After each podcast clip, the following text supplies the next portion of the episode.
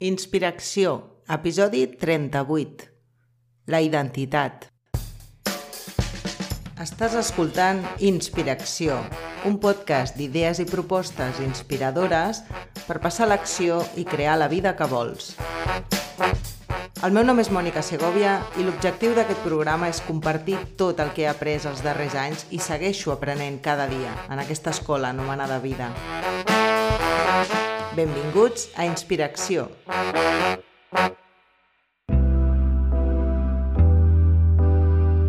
Qui sóc?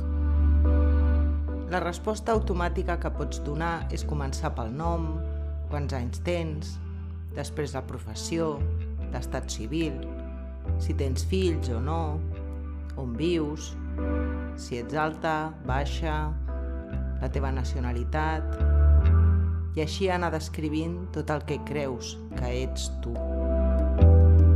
Segons Eckhart Tolle, això és la identitat de la forma, és a dir, la idea de que jo sóc el meu cos i les meves circumstàncies.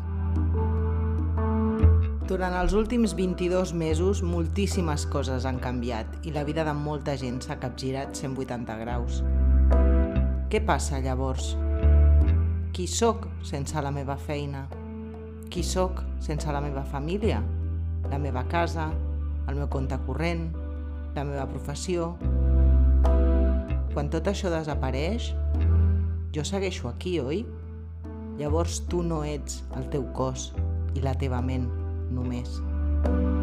Quan totes les etiquetes que et definien cauen, és normal sentir-se que ja no saps qui ets. Pensaves que ho tenies tot clar i tot lligat, i ara què? Ara toca despertar. Moltes de les coses externes que et donaven la sensació de control i de seguretat s'han esvaït. Per l'ego això és dolorós, és clar.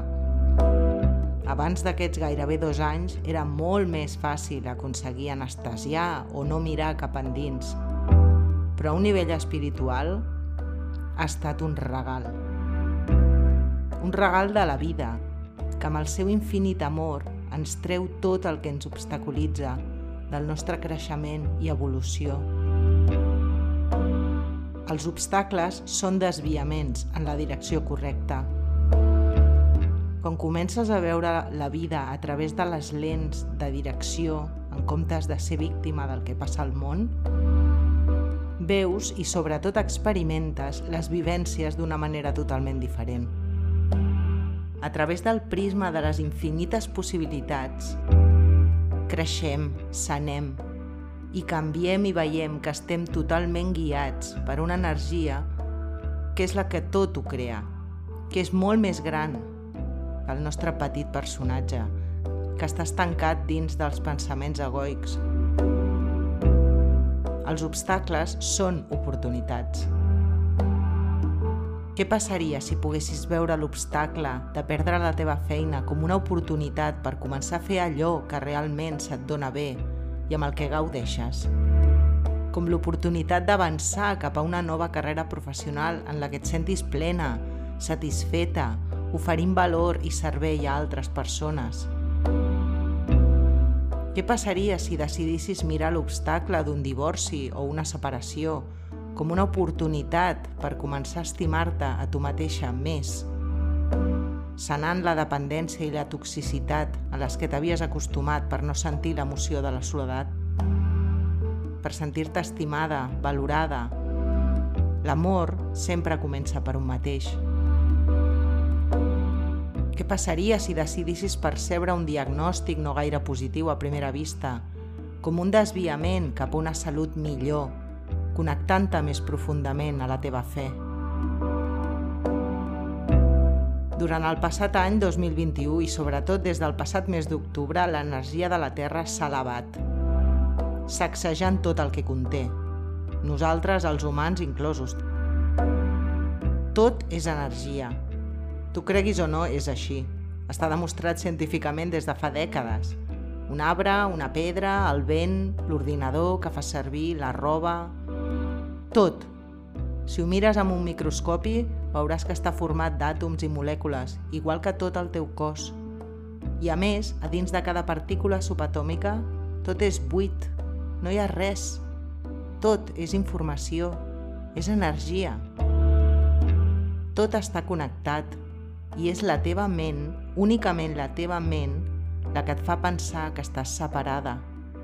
És la que dirigeix l'espectacle del teu ego, la que et fa pensar que tu només ets el teu cos i les teves circumstàncies, el que pots percebre a través dels teus cinc sentits. Però ja hem vist que si les teves circumstàncies es capgiren, tu encara estàs aquí. Per tant, els pensaments de que tu ets el teu cos i només el teu cos i que el govern, el teu cap, la teva parella, els teus pares tenen la culpa de tot el que et passa, és un patró de pensament, una creença que només està al teu cap. La meditació és una eina fantàstica per ser l'observadora de tot el show. T'asseus a la butaca del cinema i veus les imatges passar i passar, sense enganxar-te. La segona part de la meditació és fer la feina de crear espai, perquè aflorin les emocions que estan a dins, sentint que tu ets l'espai que ho conté tot. Des de que comencem a tenir memòria, comencem a formar associacions sobre com rebre amor. Creixem en entorns on l'amor és condicionat. Si treus bones notes, premi. Si et portes bé, premi. Comencem a formar creences sobre com és el món des de les nostres vivències, des del que observem al nostre entorn. I és llavors quan comencem a tenir traumes que no som capaços de gestionar en aquell moment i que el nostre inconscient emmagatzema i només quan estem preparats per sanar-ho els treu. Ara l'energia de la Terra, amb la seva sacsejada, fa que tot el que estava enquistat, enganxat i amagat surti més fàcilment a la llum, que ho puguis veure i sentir perquè ho puguis sanar i per tant créixer i evolucionar. La Mare Terra és constant creixement i expansió. T'has fixat? Tot sempre s'expandeix i creix. Si tales un arbre, la resta no deixen de créixer. Tampoc es comparen. Ni cap és més important que un altre. La Mare Terra no crea residus, tot es transforma i reneix. No sobra ni falta res. Nosaltres som la Mare Terra, no sobra ni falta ningú. Tots som necessaris i la nostra naturalesa és créixer i evolucionar com a espècie. Durant els propers mesos veurem caure encara més estructures antigues, més paradigmes, que ens mantenien en un estat hipnòtic, perquè un món nou està emergent. I el dolor i el patiment que veiem arreu és la por, la foscor, l'ombra que ha de ser vista, perquè hi ha tanta llum ara mateix a la Terra que és inevitable que es dissolguin. L'ombra, la foscor, no són coses negatives, no són el diable, l'infern. No, simplement és absència de llum, són coses que no han estat vistes. La nostra feina individual és anar traient capes a la seva per recordar que som amor incondicional i que els pensaments limitadors i les creences són les que ens fan patir. Sentir-nos que no som mereixedores, que no som capaces, que no som dignes d'amor, que necessitem reconeixement extern i que ens valorin, perquè de petits vam aprendre que si fèiem les coses bé, el papa i la mama se sentirien molt orgullosos de tu. Cada persona individual té els seus propis traumes, té el seu camí.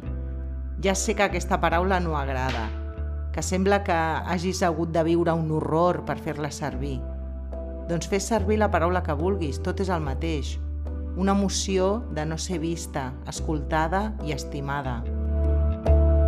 Una emoció que com més la ignoris, més forta cridarà.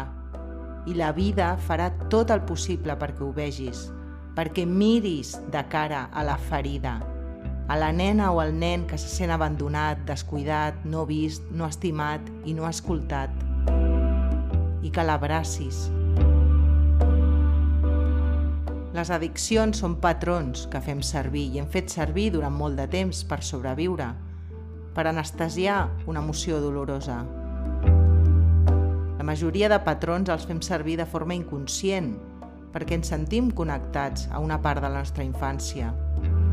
Potser quan veus alcohol o fumes et sents connectat al teu pare o a la teva mare, que més tard un dels dos va morir i el trobes a faltar, o un dels dos va marxar i no va tornar més, o es van separar i ho vas viure com un abandonament, perquè vas deixar de veure sovint a un dels dos. Potser és el menjar el que et connecta a la teva infància, perquè durant els àpats era l'únic moment en què estàveu tots junts a taula. Potser el teu patró són les relacions dependents i empalmes una amb l'altra, perquè no vols sentir la soledat ni l'abandonament que vas sentir durant la teva infància. L'emoció ha estat allà, des de fa molt de temps, i ha estat amagada, encoberta, però des dels últims mesos notes que no ets la mateixa. Notes que hi ha alguna cosa que crida per sortir. Hi ha molt de neguit, incomoditat i sobretot molta por. Per descomptat que fa por, el teu ego encara té més por. Per això t'anima a beure quatre birres i no pensar-hi més, o fumar-te un porro, o fer una marató de Netflix tot el fin de i menjar a domicili per no moure't del sofà, o passar hores i hores a Facebook o a Instagram sense cap propòsit més que tractar d'evitar mirar endins. Tots són patrons apresos per defugir de tu. Durant els propers mesos, aquesta incomoditat l'aniràs sentint cada cop més i més forta, cada cop més i més freqüent. I cap addicció, cap patró après t'anestesiarà el temps suficient com per seguir vivint, ignorant el teu nen o nena interior. Ens trobem al proper episodi. Una abraçada.